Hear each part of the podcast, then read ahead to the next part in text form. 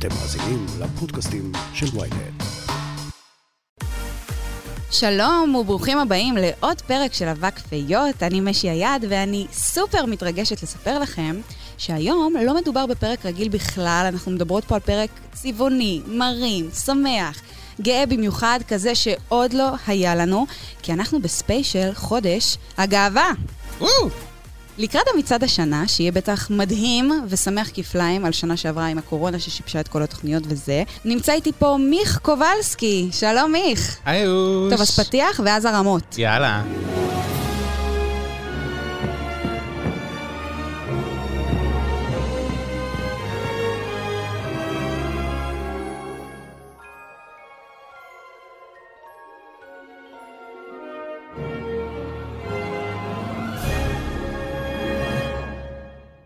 מיך, שלום.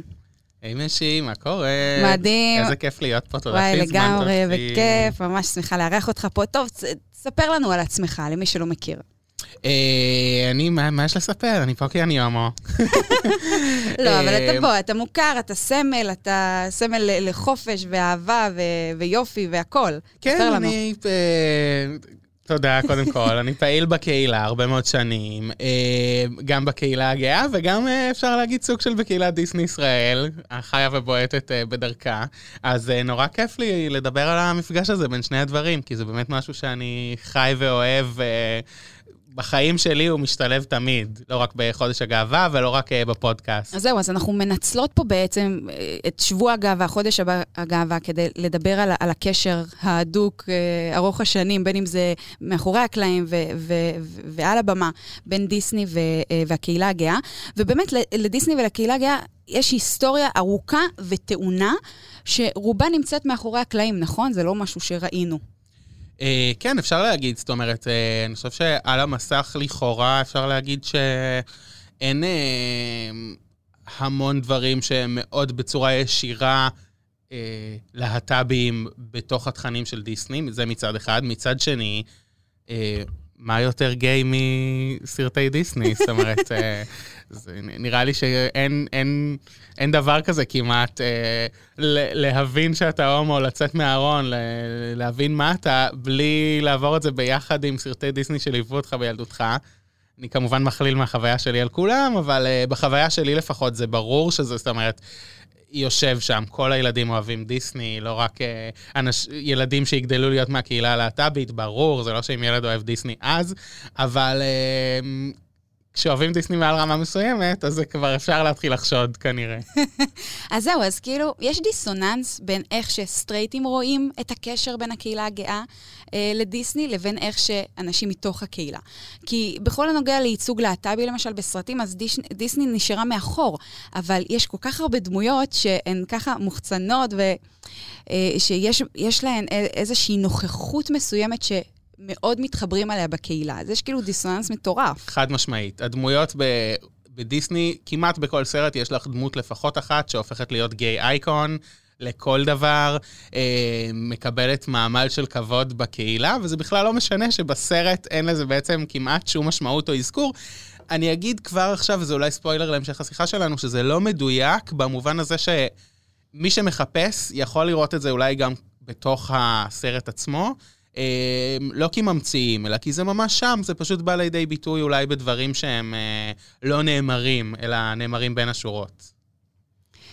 טוב, אז דיברת על, על גיי אייקון. אז בוא נדבר באמת על דמויות אייקוניות עבור הקהילה הגאה. לרוב אלו המרשעות, הנבליות, אה, שאני אוהבת הכי בעולם. זה, זה שני הצדדים כמובן, זה גם הנסיכות, שבעצם כל הומו היה רוצה, לפני שהוא הומו, להיות נסיכת דיסני, זה, זה, זה, זה חלק מהתהליך, זה המגדר האמיתי של אה, רובנו ככה מתחת לכל השכבות. כלפי חוץ אני גבר בן 30, במגדר שלי אני בסך הכל אה, נסיכת דיסני בת כן. שמונה בערך. שרוצה שמידה 36 בנעליים תעלה עליה. חד משמעית, ועד היום מקווה שיגיע הנסיך שירצה למדוד, אה, וכן, זה, זאת אומרת, גם הנסיכות הן דמויות מאוד מאוד איקוניות ומשפיעות, ואני חושב שהרבה מאוד אה, הומואים ככה מעריצים נסיכות דיסני ורואים בהן באמת איזשהו אה, מודל.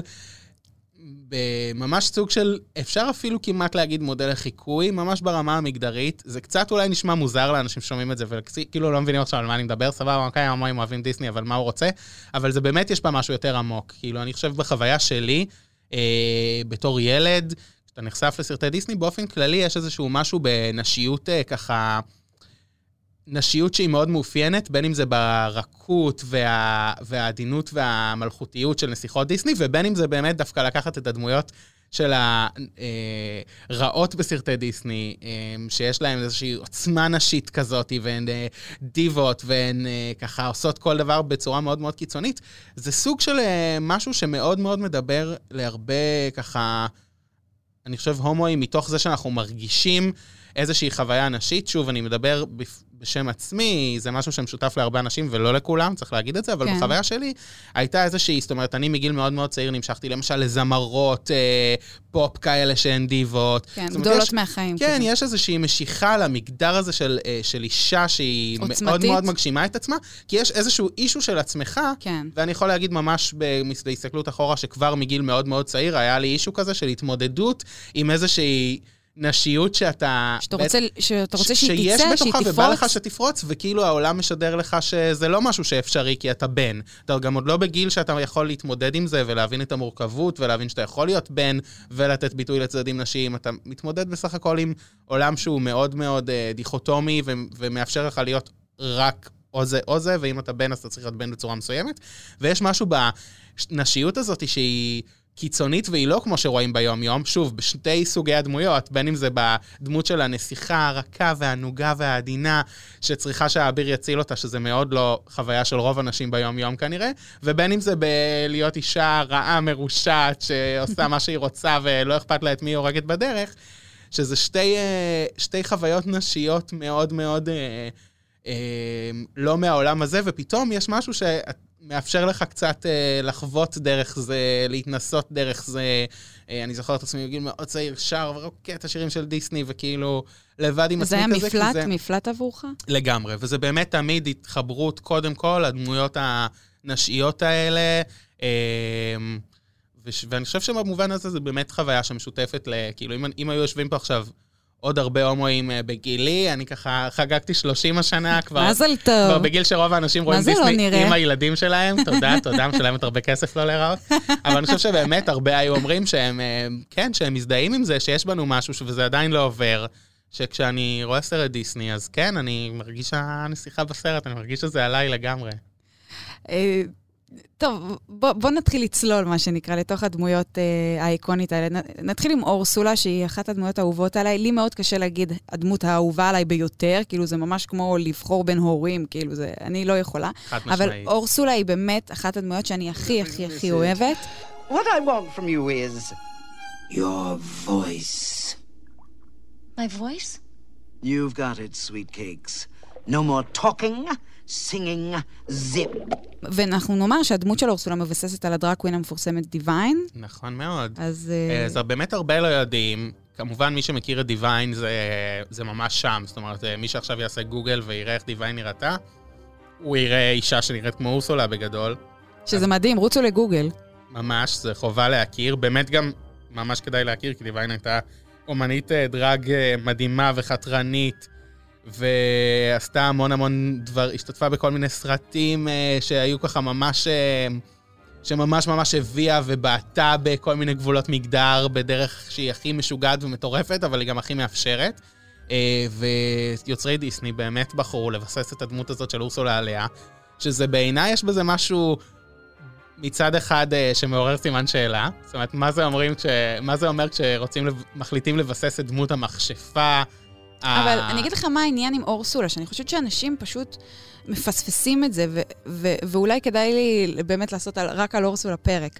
כי אורסולה היא בעצם דמות שהיא מחתרתית, היא ירדה למחתרת, אה, לא, לא מרצונה, כן? כלומר, טריטון, אחיה, מלך אה, אטלנטיס, הוריד אותה לשאול, כמו האדס כזה, ש... והיא פשוט נשארה שם, והיא רוצה את הכוח שלה בחזרה, היא רוצה להיות חלק מהמשפחה, וכאילו, היא, היא אישה גדולה, היא נשית בטירוף, היא מתה על, היא מתה על להיראות יפה, ו, והיא כל כך רוצה את הקול היפה הזה כדי להיות האישה המושלמת, והיא, או, והיא לא, לא מקבלת את זה, וזה, וזה מכעיס. אז אולי ב, בהרבה מובנים, גם דיוויין, שהיא היא, היא כל הזמן הייתה לא היא, כלומר, היא הרגישה שהיא הרבה יותר ממה שהגוף אה, אה, נתן לה. חד משמעית, ובמובן הזה אני באמת חושב שאני, מעניין מה, מה היו הכוונות המקוריות של אה, יוצרי הסרט כשהם עשו את הבחירה הזו. אני מודה שאני לא מכיר אה, רעיונות או משהו שמסבירים את זה, אבל אני חושב שלא משנה מה היו הכוונות בפועל, יצא מזה משהו באמת מאוד חזק, מאוד מעניין. אה, שבעיניי גם יש בו הרבה יופי. זאת אומרת, שוב, מצד אחד, אני לא יודע כמה זה מחמיא שמבססים עליך את הדמות הבאמת כל כך רעה להחריד הזאת. ו... לא יודעת כמה היא רעה, סליחה, כן? שוב, אני כאילו מצודדת בה, אבל כאילו, היא חותמת על הסכם. בפשט היא רעה. חותמת על הסכם. בפשט היא לא בדיוק אה, נכון. אישה חביבה שנחמד לעשות איתה עסקים. טוב, כי היא מבוגרת, והיא שמנה, והיא זה, והיא זה, אז איך היא תהיה נסיכה? נכון, היא קיבלה הרבה אפיונים אה, שנחשבים מאוד שליליים בדיסני ובעולם, ומה שמעניין מאוד בדמות של אורסולה זה שגם בתוך הסרט, היא עושה דרג בעצם, אם תחשבי על זה, כשהיא מגלמת את כן. ה... אה, מנסה בעצם לשבות את אריק דרך הדמות דרג שלה שם, אה, שהיא כן, נכון. פתאום לובשת צורה של איזושהי אישה, שהיא בדיוק ההפך מעצמה, היא אישה מאוד מאוד נשית ויפה, יש משהו באורסולה שהוא גם נשי, אבל הוא נשי בצורה הרבה יותר אה, חתרנית ובאמת דרגיסטית. אתה זוכר מה אורסולה אומרת לאריאל? היא מתחילה לשיר, ואז היא אומרת לה, גברים שונאים אישה שמפטפטת. נכון. שתיקה שווה זהב, הם טוענים, ביבשה אין זה ברור, צריך לשמור על פה סגור, ואין מה להרבות כאן בדיבור.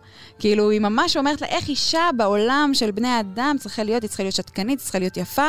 אל נא, איך היא אומרת לה? אל נא תזלזלי בחשיבותה של, של שפת, שפת הגוף. הגוף. אבל... אני חושב שבאמת יש בזה משהו, זאת אומרת, אה, ברור שאורסולה לא מאמינה לזה, היא משתמשת בדימויים האלה שהיא... זה נורא, באמת יש בזה משהו נורא מעניין, כי אריאל הרי נורא רוצה להכיר את עולם בני האדם ורואה אותו נורא מרחוק, ויכול להיות שאורסולה משתמשת בזה שאולי... מבחוץ זה קצת מה שאריאל יכול להיות ראתה. אני לא יודע כמה היא הספיקה להבין uh, מה התפקידים המגדריים בעולם בני כן. אדם, הם כנראה גם לא כל כך היו שונים בעולם נכון. הים שראינו בסרט. אבל אורסולה מאוד משתמשת בזה כשברור שהיא לא מאמינה לזה והיא עושה בדיוק את ההפך כשהיא רוצה בעצם אה, לכבוש את אריק. היא משתמשת כן בקול שהיא לוקחת מאריאל, והיא משתמשת בכל היכולות שיש לה, ממש לא רק בלהיות אה, ככה שתוקה ופתיינית.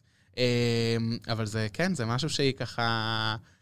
שוב, משתמש, כאילו, באיזשהו אופן מאוד מודע לעצמו, משתמשת בדיוק בהגדרות תפקיד הנשיות האלה, ש- שהיא לא מגלמת, כאישה שלכאורה מותר לה לא להיות הכי הכי הכי נשית לפי הספר, כי היא פרשה מחברת uh, בני הים, כי, ואולי יש באמת משהו בבחירה לבסס אותה על דרגווין שמאוד מייצג את זה, כאילו יש משהו ב, um, בבחירה של מלכות דרג להגיד, אני לא נכנס, אני, לשחק בהגדרות התפקיד המגדריות הקלאסיות, בין אם זה לאמץ אותן ולהקצין אותן, ובין אם זה אה, דווקא לדחות אותן ולעשות הכי את ההפך, כן. אבל זה כל הזמן איזושהי, אה, איזשהו עיבוד קצת מוקצן של מה שאנחנו מכירים מהעולם, ויש משהו בדמות הזאת שבאמת מאוד עושה את זה. זאת אומרת, נכון. היא מצד אחד בעצמה מאוד נשית, ואנחנו רואים אותה תוך כדי השיר ככה כן. מתאפרת. שמה את האודם. שמה את האודם, כי כאילו באמת היא מבטאת את הנשיות שלה, ומצד שני ברור לנו שאפילו בתוך עולם הים הזה, היא לא בדיוק האישה הקלאסית, היא... ואולי מה שאורסולה באמת יכולה ללמד אותנו זה,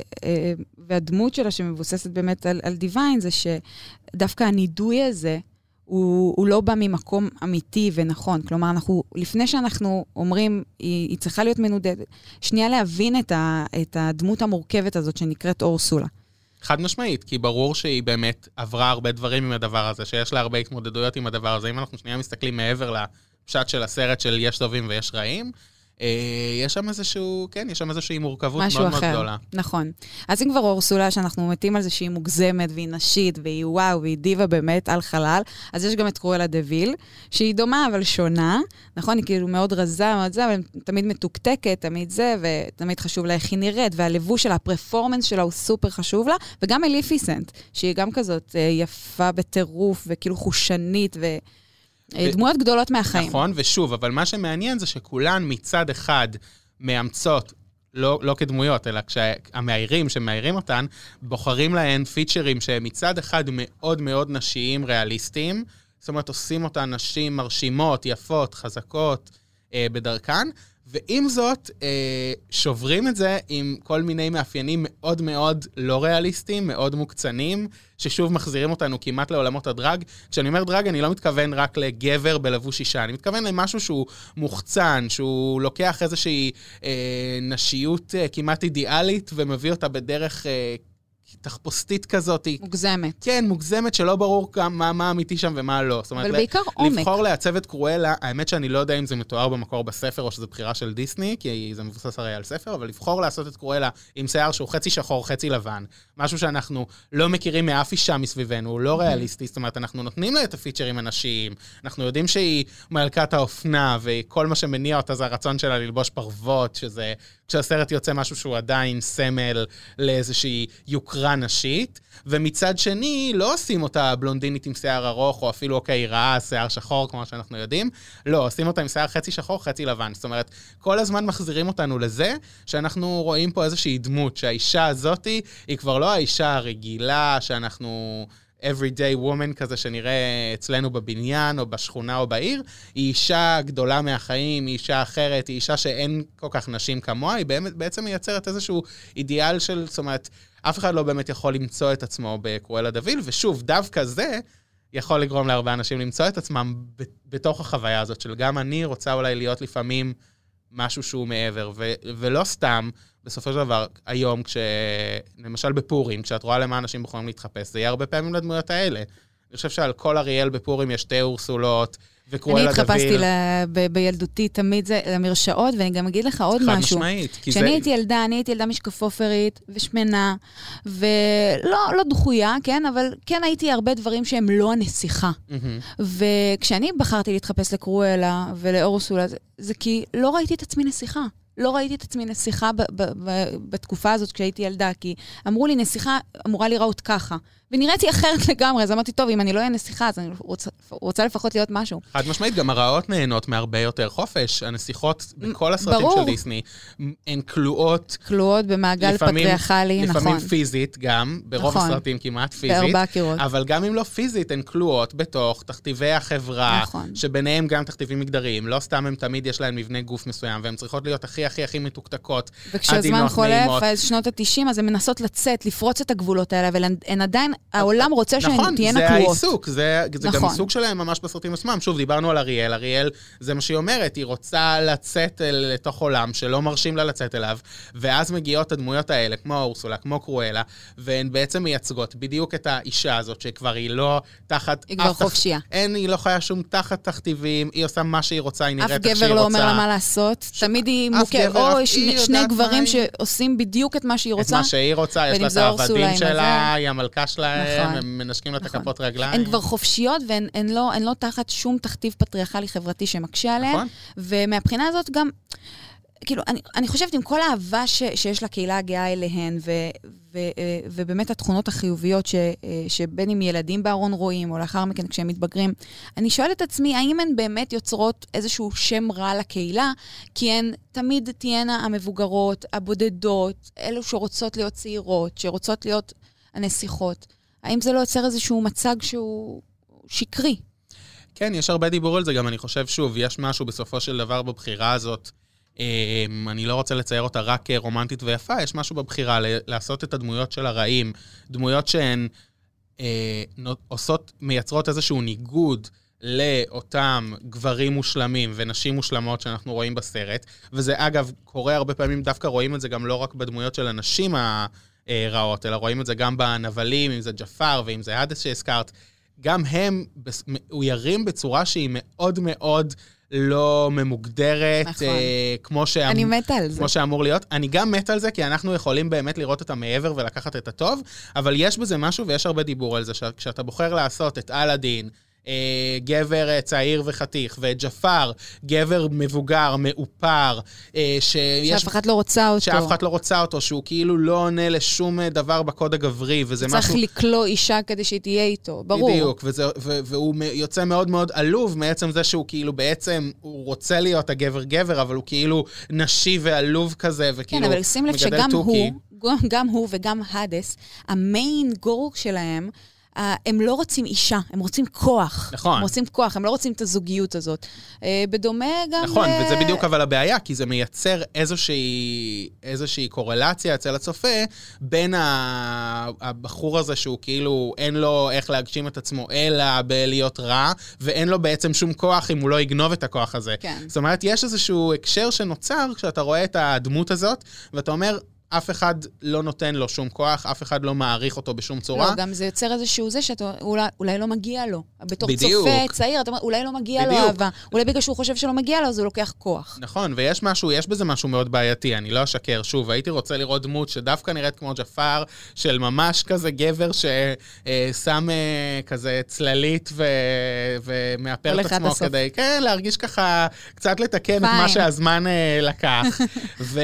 ועם זאת, הוא גם אה, גבר אה, מרשים ואהוב אה, בקהילה שלו באגרבה. אבל אה, באמת, זאת אומרת, במובן הזה יש פה איזושהי סתירה, יש פה איזשהו מסר מגדרי קצת... בעייתי ומורכב, ששוב, אני אני חושב שעם הזמן, מהפרספקטיבה של היום, ברור שאני גם יכול ליהנות מזה, וזה נותן איזשהו נופח אה, מאוד מגניב לדמות בסופו של דבר, ושדווקא הופך אותה ללא רע מוחלט בעיניי, כי באמת, ברור, בלי שיגידו את זה בסרט, אני חושב שכל מי שצופה באלאדין, לפחות כמבוגר, מבין שעל ג'פר עברו דברים, שהאיש הזה עבר אה, משהו בחיים שלו, שהוא גם אה, ספג הרבה רוע, והרוע הזה, הרוע שלו לא נולד מאפס בעצם. נכון, אף רוע לא, כי זה תמיד משהו ש... טוב, אני עכשיו נותנת משפט, ואתה תגיד מאיזה סרט המשפט, ואז אנחנו נעבור אוקיי, לשאלה הבאה. אוקיי, וואו, מלחיץ המבחן. לא, זה מה זה קל. אני כבר בת 16, אני לא תינוקת. חד משמעית. אז בואו נדבר על אריאל. אוקיי. אחד המשלים שחוזרים בסיפורה של, של בת הים הוא באמת סיפור ה- היציאה מהארון. אריאל בעצם מבקשת זוג רגליים, והיא רוצה לצאת מהמים אל היבשה כדי בעצם להתאהב בבן, בבן אדם, בנסיך אריק. אה, דבר שהוא כמעט ולא אפשרי בחברה ממנה היא באה, בדומה לגבר שהוא מגלה פתאום בגיל 16 שהוא אוהב גברים. נכון, וניתן רגע הקשר למי שאולי שומע את זה ואומר, שוב, מה, מה הם רוצים, מה מה? הם דוחפים לי עכשיו את הקהילה בכל uh, סרט. אז uh, יש, יש תיאוריה כזאת, ממש אה, תיאוריה ספרותית, uh, פעם אפילו באוניברסיטה, אחת המרצות שלי הזכירה אותה.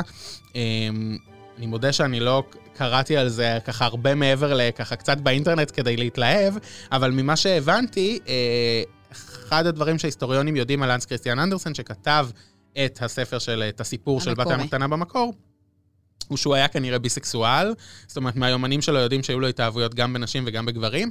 את ההתאהב... ההתאהבויות, וואו, קשה להגיד את זה בגברים, הוא לא, אה, לא יצא לו לממש, לפחות עד כמה שיודעים, אה, בעיקר כי הוא היה מתאהב בסטרייטים. וזה יצר אצלו איזשהו תסכול מאוד מאוד גדול, היה לו כמה שנים של ממש דיכאון עמוק, כי הוא התאהב במישהו שהיה הבן של הפטרון שלו בתיאטרון, משהו כזה, סליחה אם אני לא מדייק בפרטים, יש הכל בוויקיפדיה. ובאמת... אה, הדבר הזה כנראה מאוד השפיע עליו ועל היצירה שלו, ולפי זה בעצם יצרו איזשהו, אה, יש איזשהו ניתוח קווירי ככה מאוד מעניין, ושהרבה מאוד מאמינים בו, כולל אותי, של היצירה הזאת של בת הים הקטנה. אה, ומה שמעניין בו, אני, אני אגיד ככה בכמה מילים, באמת אחד, ה, אחד הרעיונות, אף אחד לא יכול לדעת, לצערנו הוא לא חי ואנחנו לא יכולים להביא אותו לפודקאסט ולשאול אותו, אבל אחת התיאוריות היא שבעצם אה, באמת כל הסיפור של בת הים הקטנה הוא אלגוריה לחיים בארון, לזה שאי אפשר לדבר על זה שאתה ביסקסואל כשאתה חי אה, בדנמרק אה, במאה ה-19. ובעצם אה, אחת התיאוריות היא שעולם המים מייצג את החיים האלה בתוך ארון, עם רצון נורא נורא גדול לצאת החוצה. הדימוי של אריאל הוא בעצם שמי שיוצא החוצה, מאבד את הקול שלו, מאבד את החשיבות שלו בחברה, זאת אומרת, הוא משלם מחיר מאוד מאוד כבד על הדבר הזה. אה, אומרים שזה שיש לה בעצם, שיש להן זנב, זה גם, אה, יש שם משהו, את העניין שבעצם... נכון. אה, זה מטשטש את כל איברי המין למיניהם, נכון, זאת אומרת, וברגע לא... שאריאל גם מוותרת על הקול שלה, היא, היא זוכה בזוג רגליים. היא- נכון, בדיוק, היא מרוויחה בעצם ש- את המיניות והנשיות נכון, שלה בעולם. מה שמאפשר ליצור משהו בין הרגליים. חד משמעית.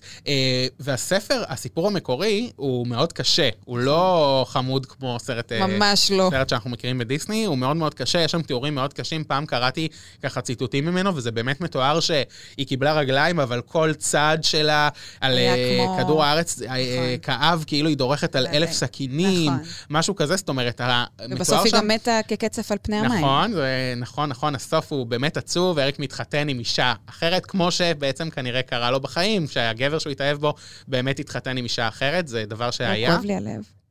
אמ, והסוף של אריאל הוא לא טוב, והיא באמת, העניין הזה שהופכת לקצב גלים, זה גם אחד, ה, אחד הדברים שאומרים, שבעצם מפרשים את זה שהיא לא יכלה לחזור למים כבר. זאת אומרת, היא, ברגע שהיא יצאה מהארון כביכול, היא לא יכולה פשוט לחזור לארון, לקחת הכל אחורה, היא באמת פשוט אה, חיה בעולם הזה, אבל חסרת משמעות, בלי שום יכולת לאהוב. יש שם איזה תיאור כזה שהיא הפכה להיות קצף כחלק מהנצח של הים או משהו כזה, אבל היא לא יכולה לחזור להיות מי שהיא הייתה, והיא, כבר, לא, והיא לא יכולה לעולם באמת להיות בת אדם.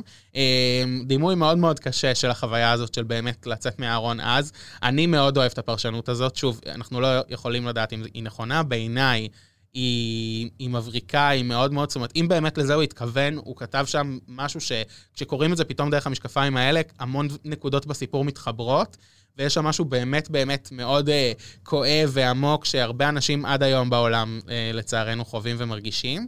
Uh, וזה באמת שופך אור מעניין גם על הסרט של דיסני ועל בעצם הבחירה שלהם לבטל את כל החלקים הקשים בסיפור ולהפוך אותו לסיפור סטרייטי רומנטי רגיל, שפשוט כן. נגמר בטוב, שוב, עם איזה דמות אחת שהיא מבוססת על להט"בים, אבל היא גם מתה, שזה אורסולה. ובעצם אה, באמת יש שם איזשהו ביטול של הדבר הזה. אני חי עם זה בשלום, בסופו של דבר אנחנו מדברים פה על סרט שמיועד לילדות וילדים, אה, אבל עדיין יש משהו מאוד מעניין בדמות של אריאל, בהקשר הזה, לנסות לראות שוב את הסרט ולחשוב עליה כ... על ההתמודדות שלה, כהתמודדות של ארון, של רצון להבין את עולם בני האדם, מה היא רוצה לעשות הרי כל הזמן? היא רוצה לרקוד עם אנשים, היא רוצה, זאת אומרת, זה באמת, יש משהו, כשאני חוזר אחורה לימים שלי בארון, יש איזה משהו כזה שאתה מרגיש שאתה מסתכל על העולם מבחוץ, אתה בתיכון, אתה בארון, כולם מתחילים כבר כזה אה, להציע חברויות ולהיות זוגות, וכזה מי התנשק עם מי, והם כן. הלכו לסרט, ואתה לא אתה? חלק מהסיפור הזה, כי אתה, אתה לא חלק מהסיפור הזה בכלל, אתה לא יכול, מצד אחד אתה בארון, זאת אומרת, זה לא שאתה, אה, לי לפחות בסיפור שלי, לא, לא, היה, לא הייתה אפשרות, לא הרגשתי שיש לי אפשרות אה, לדבר על זה שאני הומו ולחוות חוויות כאלה עם בנים, ומצד שני, לא, לי אישית לא הייתה כוונה גם לעשות את זה עם בנות, אז אתה באמת חי באיזשהו, אין לך קול, במרכאות, בתוך הסיפור הזה, אתה באמת חי אותו קצת מבחוץ. ובמובן הזה השיר של אריאל והרצון של אריאל הוא מאוד מאוד אה, באמת מרגש. וואו, כי אני, אני, אני חושבת על אריאל ואני חושבת על הביקורת המרכזית ש, אה, שהייתה כלפיה, שהיא, שזאת גחמה. היא, היא, היא התאהבה בבן אדם שהיא רק הכירה, והיא מוכנה בשביל, בשבילו לעזוב את, את, את אבא שלה, את החיות שלה, את המקום שהיא גדלה. אה, ושוב, בן אדם זה. שלא יחזיר לאהבה לעולם. נכון. כי גם ו- בסרט וגם ב...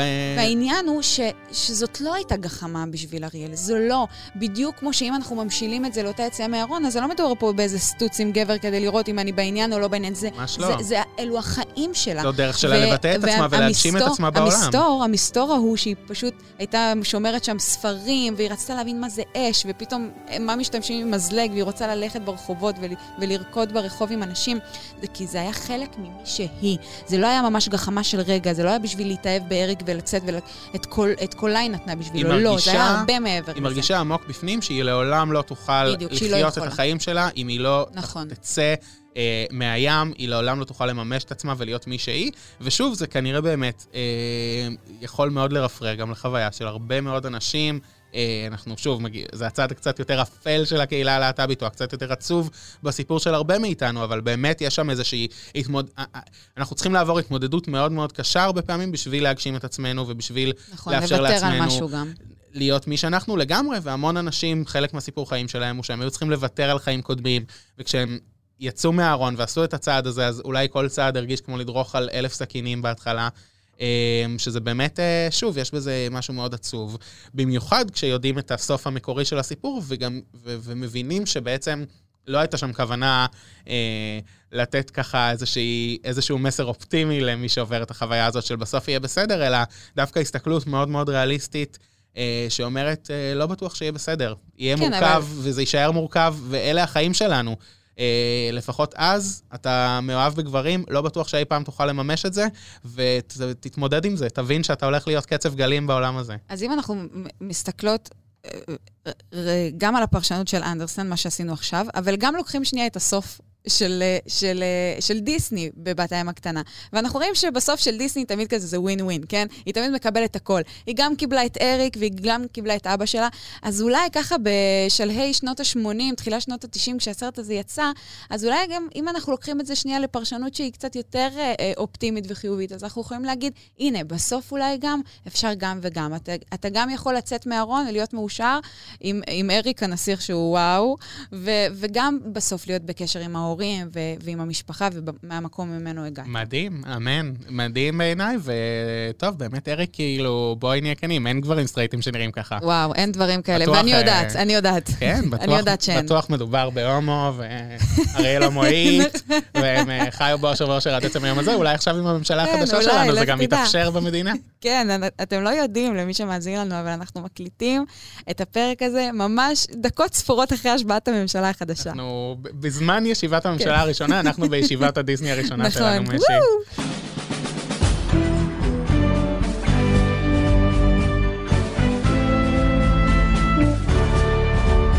אז בואו נלך לסיפור אהבה נוסף, אה, שהוא גם שנוי במחלוקת ואני מתה עליו, שאלת השאלות בסרט מולן. האם לי שאנג, אה, המפקד האגדי, התאהב במולן עוד כשהיא הייתה חייל? האם, האם זה קרה? כי יש רגע ש, שהוא מחמיא לה ונוצר איזשהו bonding כזה, עוד כשהיא בתחפושת, והוא, והוא עדיין לא מודע לזה. טוב, אז קודם כל, אם אני צריך להכריע, אם אני קיבלתי את היכולת להכריע פה, כי לא יושב כן. פה אף אחד אחר, אז ברור שכן מבחינתי. לגמרי. סתם, אבל אני, קודם כל, באמת, אני חושב שאם אנחנו כבר אה, בניתוחים מגדריים של סרטי דיסני, זה סרט שאפשר חד משמעית לכתוב עליו דוקטורט, מניח שזה גם קרה. אני כתבתי. על זה כבר, זו עבודה סמינריונית לא אחת, בתור השני. כן, לדעתי אפשר באמת לכתוב על זה מכל כך הרבה זוויות, כי כל, באמת, כל ה... ה, ה, ה נושא המגדר הוא בעצם הגיבור האמיתי של הסרט הזה, כל ההתעסקות הזאת בין... בתחפושת. ב, ב, בתחפושת, ב, באיך נשיות וגבריות הן תחפושות ביום-יום. זאת אומרת, שוב, אולי זה לא משהו שאינטואיטיבית ילדים מבינים כשהם אה, יודעים להגיד כשהם יוצאים מהסרט, אבל אני באמת מאמין שהם נהנים אותו במובן מסוים. זאת אומרת, יש משהו ב... באמת, אה, הסרט כמעט מבטל את, ה, את מה שאנחנו, את מה שילדים אולי נכנסים איתו לסרט, ב, ב, כשיש להם, כשיש להם בראש על מגדר שהם... אה, כשהם נכנסים לסרט, ובאמת מולן, זאת אומרת, היא, היא עשתה את כל ה... היא עוברת את כל הסרט כאישה בסופו של דבר. זאת אומרת, התחפושת היא, היא תחפושת כלפי חוץ, אבל אנחנו יודעים שהיא עוברת את כל החוויה הזאת כאישה, ויש בזה משהו, כמובן שזה נחשב אחד הסרטים הכי פמיניסטיים של דיסני וכולי, אבל גם באמת יש בזה משהו באופן כללי לכל הילדים מכל המגדרים, שהוא מאוד שובר מוסכמות מגדר במובן הזה שהוא... מאוד, כי נכון שהיא עוברת את התהליך כאישה, אבל היא הכי לא נשית כמו שמצופה ממנה במאה החמישית ובמאה ה-12 בסין. אה, מדובר על אישה שלא רוצה להתחתן, לא חושבת שהיא יכולה להיות טובה בזה, שונאת איפור. אה, כאילו, היא לא, היא, לא, היא לא מרגישה שהיא מוכנה, שהיא מתאימה לשום מסגרת, ולראיה גם אומרת לה שדכנית באחת, מה, באחת מהסצנות הראשונות, בושה וכלימה, אולי את נראית כמו כלה, אבל את בחיים לא תביאי למשפחתך כבוד. לגמרי, ויש שם משהו באמת באמת, אה, כאילו, הכאב של הדמות נובע מההתמודדות שלה עם הנשיות שלה, ואחד הדברים המעניינים הוא באמת, זאת אומרת, שיר הנושא של הסרט שנקרא I'll make a man out of you, ומולן מצליחה, זאת אומרת, מבחינת איך שהסרט מציג את זה, כן, עושים ממנה גבר, אבל היא גם לא נהיית באמת גבר. זאת אומרת, זה במובן מסוים גם מאוד חתרני על, מערער מאוד על אה, גבריות ומה זה גבריות, נכון. כי בעצם... אה, הם באים כביכול ממקום מאוד שוביניסטי, מצ'ואיסטי, יש שם את השיר הזה של איך הם מדמיינים את האישה שלהם כפרץ שמחכה להם בסוף נכון. המלחמה, ועדיין... Uh, בסופו של דבר אנחנו רואים שגם אישה אפשר לעשות ממנה גבר-גבר בסרט שמה, הזה. תשמע, וגם הגברים אה, בפלוגת מילואים הזאת, בוא, הם לא באו בכושר בכלל, לא היו כן. בפיט. צריך לעשות מהם גברים, הם לא כן. באים גברים. זאת אומרת, אנחנו רואים אבל שאם זה ככה, יש בזה דווקא מסר בעיניי מאוד מאוד חזק ומהפכני על גבריות, כי זה אומר לנו גבריות זה לא מה שאתם... זה נזיל. זה לא מה שאתם אה, נולדים איתו, וזה משהו שנהיים, שבעצם אנחנו יודעים שכל הפמיניזם והשיח המגדרי מתחיל מההבנה של אה, דה בובואר במקור, שמגדר זה משהו שנהיים ולא נולדים איתו. כן. סימון דה בובואר, אה, פמיניסט צרפתייה במאה ה-20. פילוסופית שבעצם דיברה כמעט, לא ראשונה, אבל ראשונה ככה שיש לה כתבים מאוד מאוד מבוססים, שאחר כך אה, התפתחו והמון תיאוריות פמיניסטיות נבנו עליהן, שהיא אומרת, את לא נולדת אישה, את נעשית אישה. והסרט הזה בעצם בא ומציג את זה קצת מזווית גברית, שהוא אומר, אתה לא נולד גבר, אתה נעשה גבר. הנה, אתם חבורת גברים אפסים שאני צריך עכשיו לעשות מכם גברים, כי אתם לא מתפקדים, ומי שהכי מצליחה בסוף בתהליך הזה של להפוך לגבר גבר, היא אישה. אז גם הרבה נשים אחרות כנראה יכולות, ואז יש בזה משהו בעצם שאם היא הצליחה, מה זה אומר מלכתחילה על התפיסות הגבריות? זאת אומרת, הסרט אה, מציג נורא יפה, בונה לנו איזושהי תפיסה מגדרית אה, קלאסית, שוביניסטית על גבריות, ושובר אותה לגמרי בכל דרך אפשרית. הייתי אומרת, שובר אותה אולי לא לגמרי, כי אם בסוף אני מסתכלת על איזשהו תהליך שמולן עוברת, ו- ו- ופלוגת המילואים עוברת איתה, אבל אם אני מסתכלת בסוף על מה, מה, ה- ה- ה- לאן אתה שואף להגיע בתור גבר? להיות לישנג, כן? לישנג הוא התגלמות הגבריות. ומהו לישנג? הוא גבר שהוא לא מרשה לעצמו להביע רגשות, שהוא מאוד קשה, שהוא גם בסוף, כשהוא בא למולן ורוצה לתת לה איזושהי מחמאה, איזושהי fucking הצילה את סין, סליחה, אז הוא אומר לה, את, את אה, יודעת ללחום. כאילו, כן. הוא לא יודע מה להגיד לו, אפילו לא יודע להחמיא לה, מרוב שהוא גדל אצל גנרל, גם אבא שלו היה מפקד בצבא הגדול וזה. אז כאילו זה, זה גם תמיד שני- מזכיר לי את, את, את, את הגבר הישראלי, שאתה יודע, שלחו מאוד. אותו לצבא בגיל צעיר, וזהו, הוא לא יודע להחמיא לנשים בגיל 25, מאוד, ומצד 30. שני, יש משהו בסרט של כאילו, אה, הגברים מאוד רוצים להיות לישנג, ובסוף, מי הכי גבר בסרט? מולן מתחתנת עם לישנג. זאת נכון. אומרת, היא לא, לא רק שהיא לא נהיית, היא נהיית אשתו והבת זוג שלו. זאת אומרת, אה, בוא נלך באמת לסיפור האהבה הזה. היה את הקטע הזה שבאמת הוא הופך אותה לגבר ב- ב- ב- באותו שיר שהיא עוברת את התהליך, ואז הוא באמת רואה שהופה, יש פה משהו, יש פה לוחם שנהיה כזה לוחם טוב, מי איזה נמושה כזה במרכאות, הוא הופך להיות ממש לוחם, ואז יש את רגע ההצלה שהיא מצילה אותו. שהיא מצילה אותו, ואז פתאום יש איזה bonding שם. כאילו, אני ממש רואה את ההתאהבות שלו. כאילו, בתהליך הזה, עוד כשהוא חושב שהיא גבר. אה, לגמרי, שוב, נראה לי זה, זה באמת יש משהו מאוד חתרני בסרט הזה, בהרבה מובנים, ששוב, אנחנו מדברים כאילו, מאוד יש מצב שהיוצרים של הסרט בדיסני בכלל לא נכנסו למשמעויות האלה ולא לעומקים האלה. אבל who cares? וזה ברור, אבל בדיוק, who cares, כי אני רואה אותם אז הם שם מבחינתי. נכון. ויש שם משהו מאוד חתרני.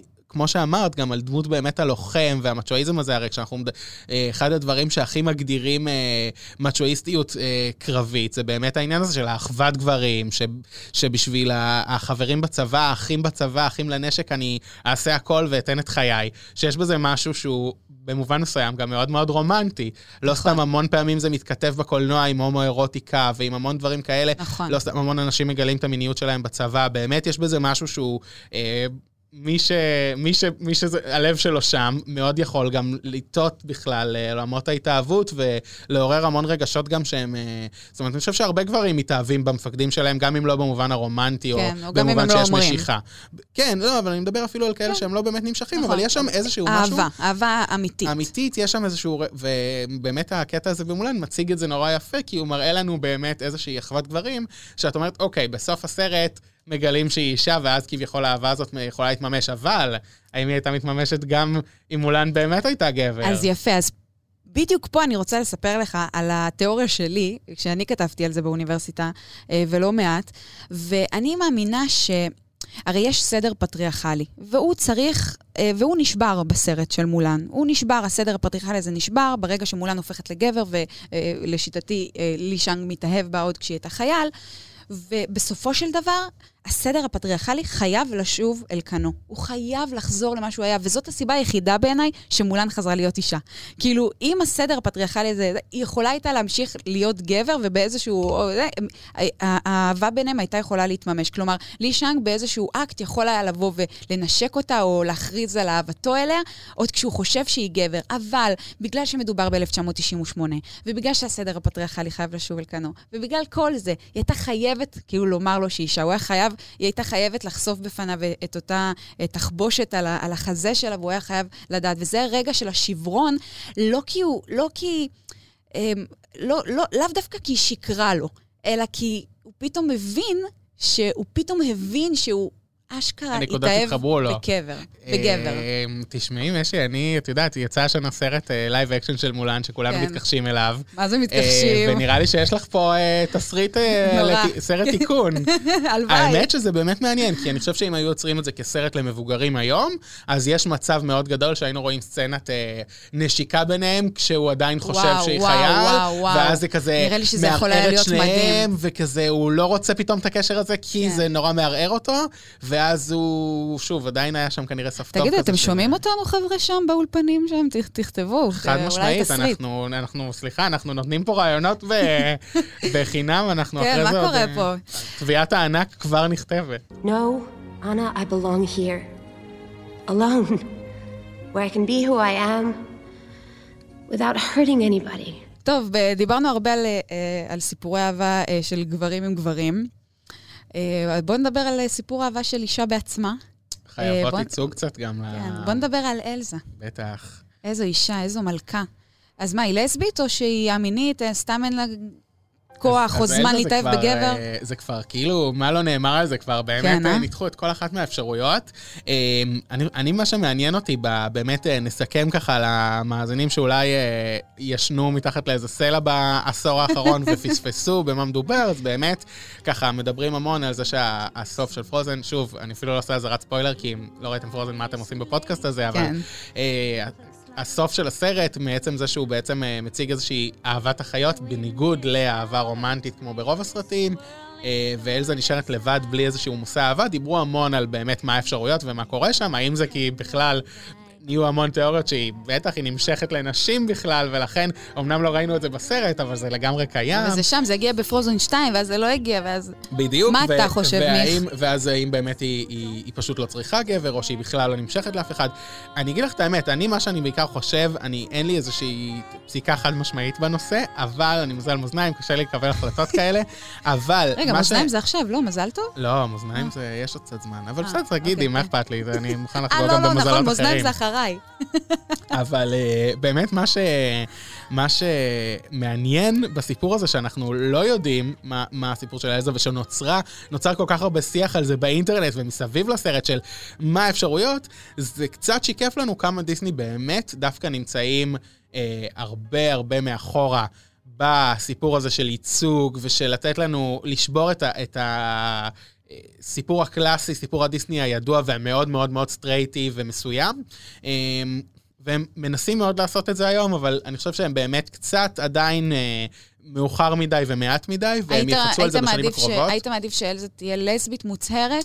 אני, אני באמת זה- חושב ש, שכל אחת מהאפשרויות האלה היא נורא נורא חתרנית ביחס לדיסני, וזה שנוצר שיח שמעלים כל כך הרבה תיאוריות שונות ומתווכחים מה יותר חתרני, כי יש כבר כאלה שאומרים, זה שהיא לסבית זה פחות חתרני מזה שהיא נכון. בכלל אני, לא... אני אומרת את זה, כן, סורי. אני לא- פה כדי להגיד את זה, כי אני בתור אישה סטרייטית ורווקה אומרת, די, היא לא חייבת להיות לסבית. יכול להיות שהיא סתם לא רוצה להיות עם אף גבר. נכון, יכול או- להיות שאין לה זמן, ואין לה שיט, ואין לה... או שהיא רוצה, אין לה. ועדיין למרות שהיא לא מצאה, היא מאושרת. כן, יש כל כך הרבה לה, אפשרויות. וטוב לה גם בלי. נכון, וכל אחת מהאפשרויות האלה, אנחנו כבר נורא מכירים אותה מהחיים שלנו, וביקום של דיסני היא כאילו הופכת להיות נורא נורא חתרנית. וזה מה שמעניין, שהפך לדיון הזה של... אז זאת אומרת, פתאום כשאנחנו רואים אישה מסיימת את הסרט בלי מושא אהבה, אז אנחנו צריכים לדבר עם אה, האם היא לסבית, או האם כן. היא אלורית, או האם... כן. זאת אומרת, למה אי אפשר שביקום של דיסני יתקיימו גם נשים כאלה, גם נשים כאלה, גם נשים כאלה, ונהיה ממש מלחמה כזאת באינטרנט, כי כל אחת הרגישה שהיא נלחמת על הייצוג שלה. זאת אומרת, נכון. אם אני לסבית, אני חייבת שאלזה תהיה לסבית, כי מה? עד שיש לי הזדמנות כן. לדמות לסבית, ואם אני אישה סטרייטית רווקה שאין לה גבר והיא מגשימה את עצמה בקריירה. אז אני רוצה שזה כאילו יהיה הייצוג שלי, וכל אחת כל כך חסר לה הייצוג הזה, ואני אומר כאילו, דיסני, בואו תנו לנו גם וגם וגם וגם וגם. זאת אומרת, למה זה צריך להיות, אה, למה אנחנו צריכים להשתמל, לעשות פה נכון. פרשנויות? בואו- בשנות האלפיים, דרך אגב, יש הרבה, הרבה יותר אופציות ל- לוויכוחים, מה שנקרא, כן, חד מאשר... משמעית גם, כן, יש לנו כאילו- את מרידה אה, ב Brave, אה, ויש לנו את אה, אה, מואנה, שלא בדיוק, אבל טוב, היא עוד ילדה, ויש לנו את אה, אלזה, יש, נכון. יש. אנחנו יותר רואים כבר אה, דמויות, אה, אין ספק שהדמויות הנשיות אה, השתנו לחלוטין מתקופת הרנסאנס הקודמת של שנות ה-90. ועדיין אני חושב שדיסני באמת, כמו שככה, אולי התחלנו את השיחה ועכשיו זו נקודה טובה לחזור לזה, נמצאים מאוד מאוד מאחור בנושא של אה, ייצוג. עצם העובדה שכמעט כל מה שדיברנו עליו כאן בפודקאסט הוא תיאוריות קוויריות שמתגבשות על הסרט, ואנחנו אף פעם לא מקבלים את הדבר הזה בתוך הסרט.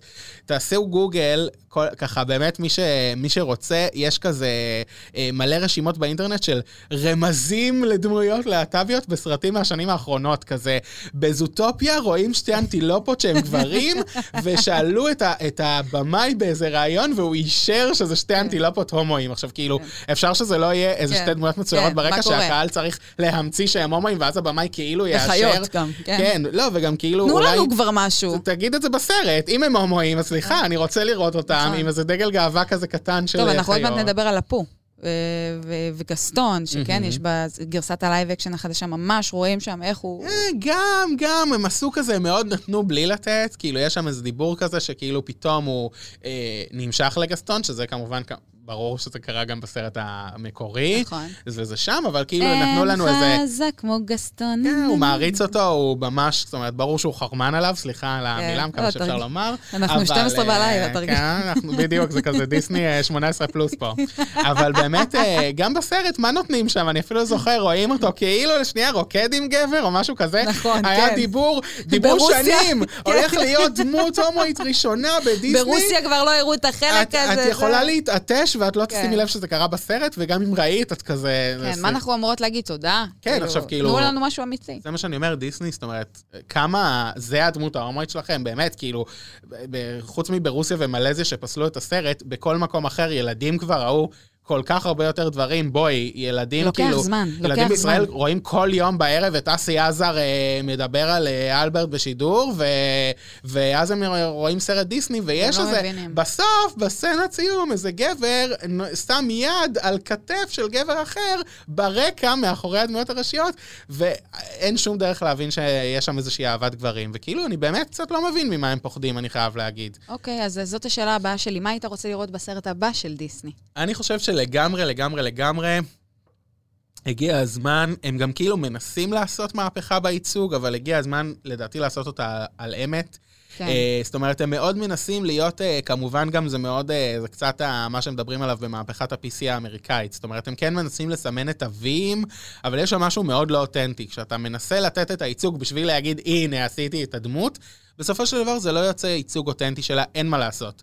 אה, כשאתה בא בתור משבצת של עכשיו ההומו, הדמות ההומואית, אתה לא תהיה אתה עצמך. אני חושב שדיסני יכולים להרשות לעצמם באמת, באמת, באמת, לעשות מהפכת עומק, וכשהם כותבים תסריטים ודמויות, להתחיל לחשוב איך הם מביאים לדמויות האלה קצת יותר אה, סיפורי חיים מגוונים ואחרים, לא כי צריך, אלא כי באמת לא הגיוני שכל... הד... אנחנו רוצים להתקדם קצת אל העולם, לתת לילדים מסרים באמת יותר מורכבים, יותר מעניינים, ושיותר קרובים לעולם שהם רואים מסביב. ובעולם מסביב לא כולם חיים את אותם חיים, לא כולם חיים את אותו סיפור אהבה סטרייטי אה, עם סוף רומנטי וכולי. והסרטים יכולים להישאר רומנטיים, והסרטים יכולים להישאר כל מה שהם היו, ועדיין אפשר להראות דמויות של, דמויות מבוגרים שחיות לבד מבחירה, ואפילו לזרוק על זה במשפט, זה לא צריך להיות העלילה של הסרט. זאת אומרת, כולם מדברים על מתי יהיה את הבאמת נסיכה, שתתאהב בנסיכה אחרת, או נסיך ונסיך.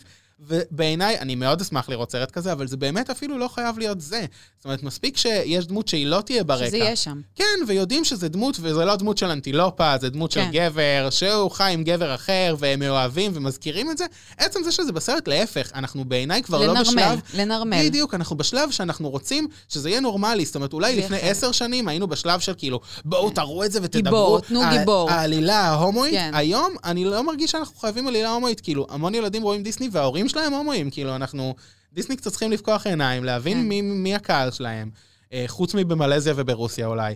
ובאמת לנסות אה, להתאים את עצמם קצת לחוויה הזאת, ואם זה נשים אה, באמת רווקות, ואם זה לעשות גם קצת דמויות שמנות על אמת, לא כזה... כן, כן, תנו לנו קצת מואנה שומן. היא, כן, מואנה היא מלאה, היא לא אני מלאה. מתה על אלה שאומרים היא מאוד לא נעים מלאה, יש לה כן. פולקה, היא לא ילדה בת עשר, היא 12, לא מלאה. כן. תנו אישה שמנה מושלמת, מטורפת, חזקה, שעושה הכל אותו דבר.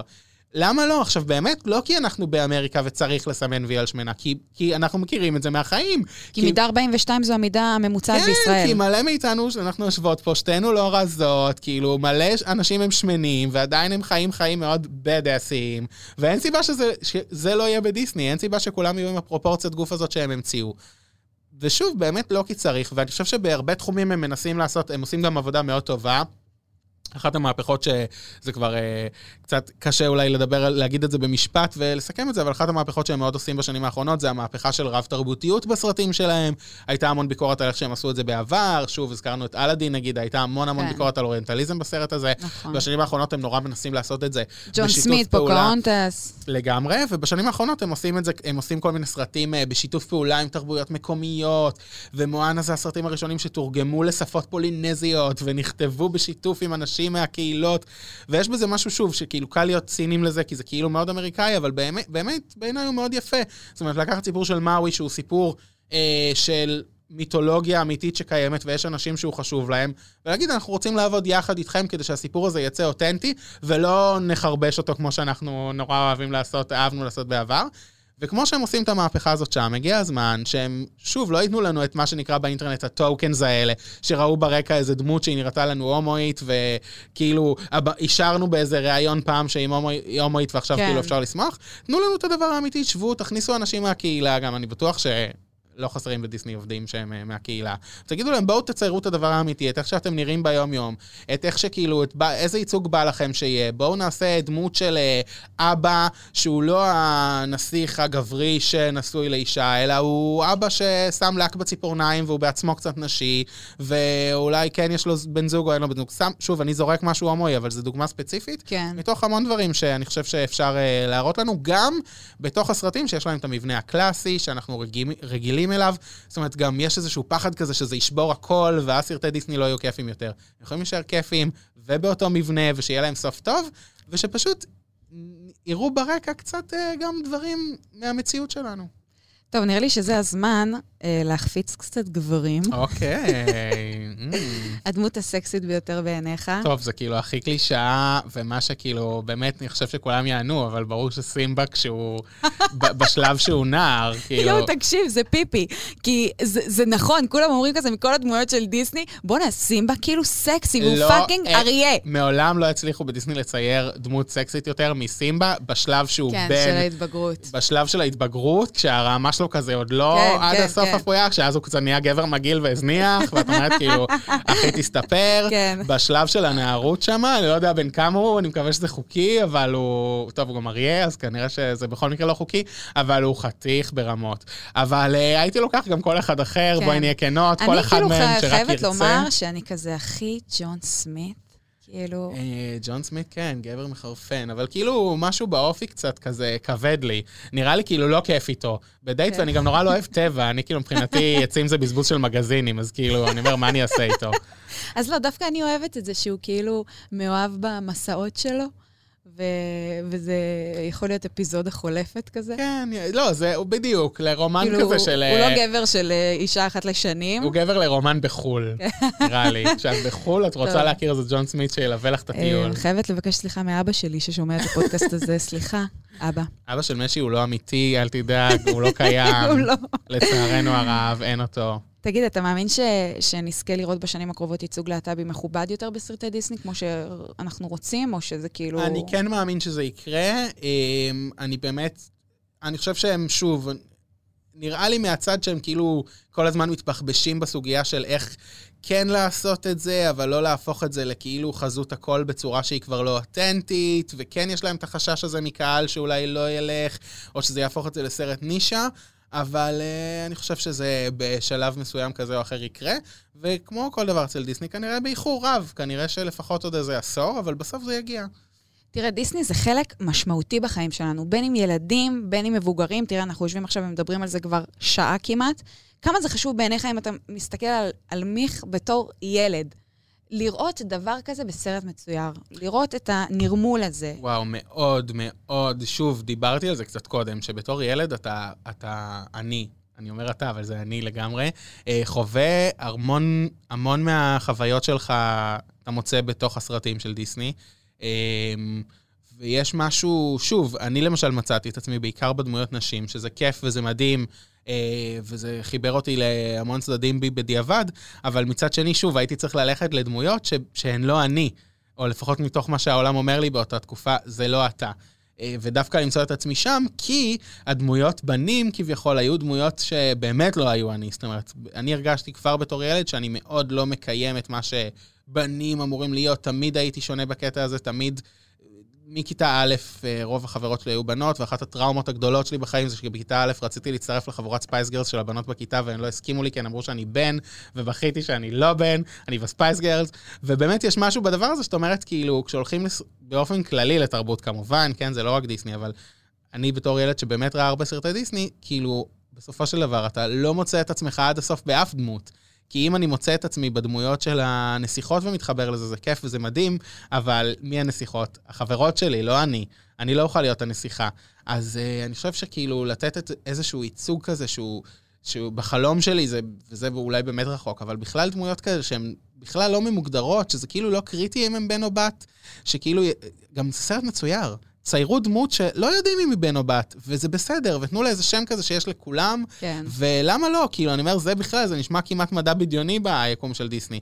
אבל כאילו, אפילו ברמה הזאת, זאת אומרת, לדיסני יש כוח כל כך גדול בידיים להשפיע ולעצב אה, ולתת לילדים כלים להבין את העולם בצורה ש, שהרבה פעמים הם נורא צריכים, כאילו, אנחנו נוטים אה, אה, לראות בילדים כזה רק כלי קיבול למה שההורים שלהם עושים, אבל לילדים יש להם כל כך הרבה דמיון ויכולת להבין את העולם בצורה שדווקא מבוגרים איבדו, וזה משהו שדיסני נורא מנסים כאילו לגרום לנו להאמין בו, ומצד שני הם לא מיישמים את זה בעצמם. אה, וזה נורא חבל, ושוב, אני חושב שהם נותנים ביטוי לחוויות האלה, אבל הם עושים את זה בצורה שהיא לא מספיק עד הסוף. דיברנו על פרוזן למשל, אני חושב ש-let it go, ו... טוב, כולם כבר יודעים את זה, כן? זה לא איזה אמירה חדשה, אבל באמת, let it go זה שיר היציאה מהארון האולטימטיבי לחלוטין. זאת אומרת, אין, באמת, אני לא חושב שאי פעם שמעתי שיר שיותר מצליח לתאר מה זה השלב ה... כן, טוב, זה שיר מדהים. וזה באמת שיר שהוא גם יכול לתאר הרבה חוויות אחרות, כן? כל מי שכזה שומעת ואומרת, סליחה, הוא גם עליי ועל החיים שלי ולא יצאתי משום ארון, אין בעיה, לא לוקח לך את זה. אבל עדיין, אני חושב שיש משהו ב, בשיר הזה שהוא באמת, הלחינו פה את השלב הזה שאתה יוצא מהארון ואתה אומר, fuck it, אני גאה במי שאני, וכבר לא אכפת לי מה אף אחד יאמר, וכל הקללות שלהם, שקוראים לי הומו כקללה, לא משנות לי יותר. זאת אומרת, מצד אחד מצליחים לתת את החוויה הזאת, מצד שני באמת אה, לא נותנים לה שם. אני חושב שייצוג אה, של הדבר הזה, הופה. ככה נשים לנו ברקע. כן, שכזה, לכל מי שרוצה, מתכננת לצאת מהארון וצריכה איזה פסקול. אה, אז אני חושב שבאמת הייצוג האמיתי הזה, שהוא, שהוא לא מתחבא, שהוא לא בא בין השורות, כמו שאמרנו קודם, אלא הוא ממש בתסריט של הסרט, יכול להיות סופר סופר משמעותי. לתת לילדים כוחות בכל העולם, ובסוף זה הכוח של דיסני, וחבל שהם מוותרים עליו, כי זה מה שיגרום לילדים שהם היום בני חמש, בעוד 25 שנה, שהם יהיו בגילנו, לשבת ולדבר על פודקאסט של דיסני, והם יוכלו לספר איך בתור ילדים הם קיבלו מדיסני את הכוח הזה, והבינו באמצעות הסרטים דברים על עצמם, כמו שגם אני הבנתי, אבל בסופו של דבר הייתי צריך להתבגר ולהשלים לעצמי את הפערי מידע שהסרטים לא סיפרו. וואו, מיך. היה לי כיף איתך ברמות. וואי, מדהים. אתה כאילו המרואיין המושלם. יואו, אפשר ל... הוא היה פאן על הענן. סיימנו? לא דיברנו על מלא סרטים. נשמור את זה לפרק הבא. יאללה, יש חודש גאווה בכל שנה. נכון. תודה רבה. תודה, משי, תודה אנחנו על נסיים עם. הצלילים. יאללה. זה היה אבק פיות להפעם, אני הייתי משי היד. תודה רבה שהאזנתם לנו. את הפרק הזה הפיק ערן רחמני וערך שחר ברקת. פרקים נוספים תוכלו למצוא בשלל האפליקציות. נשתמע בפרק הבא.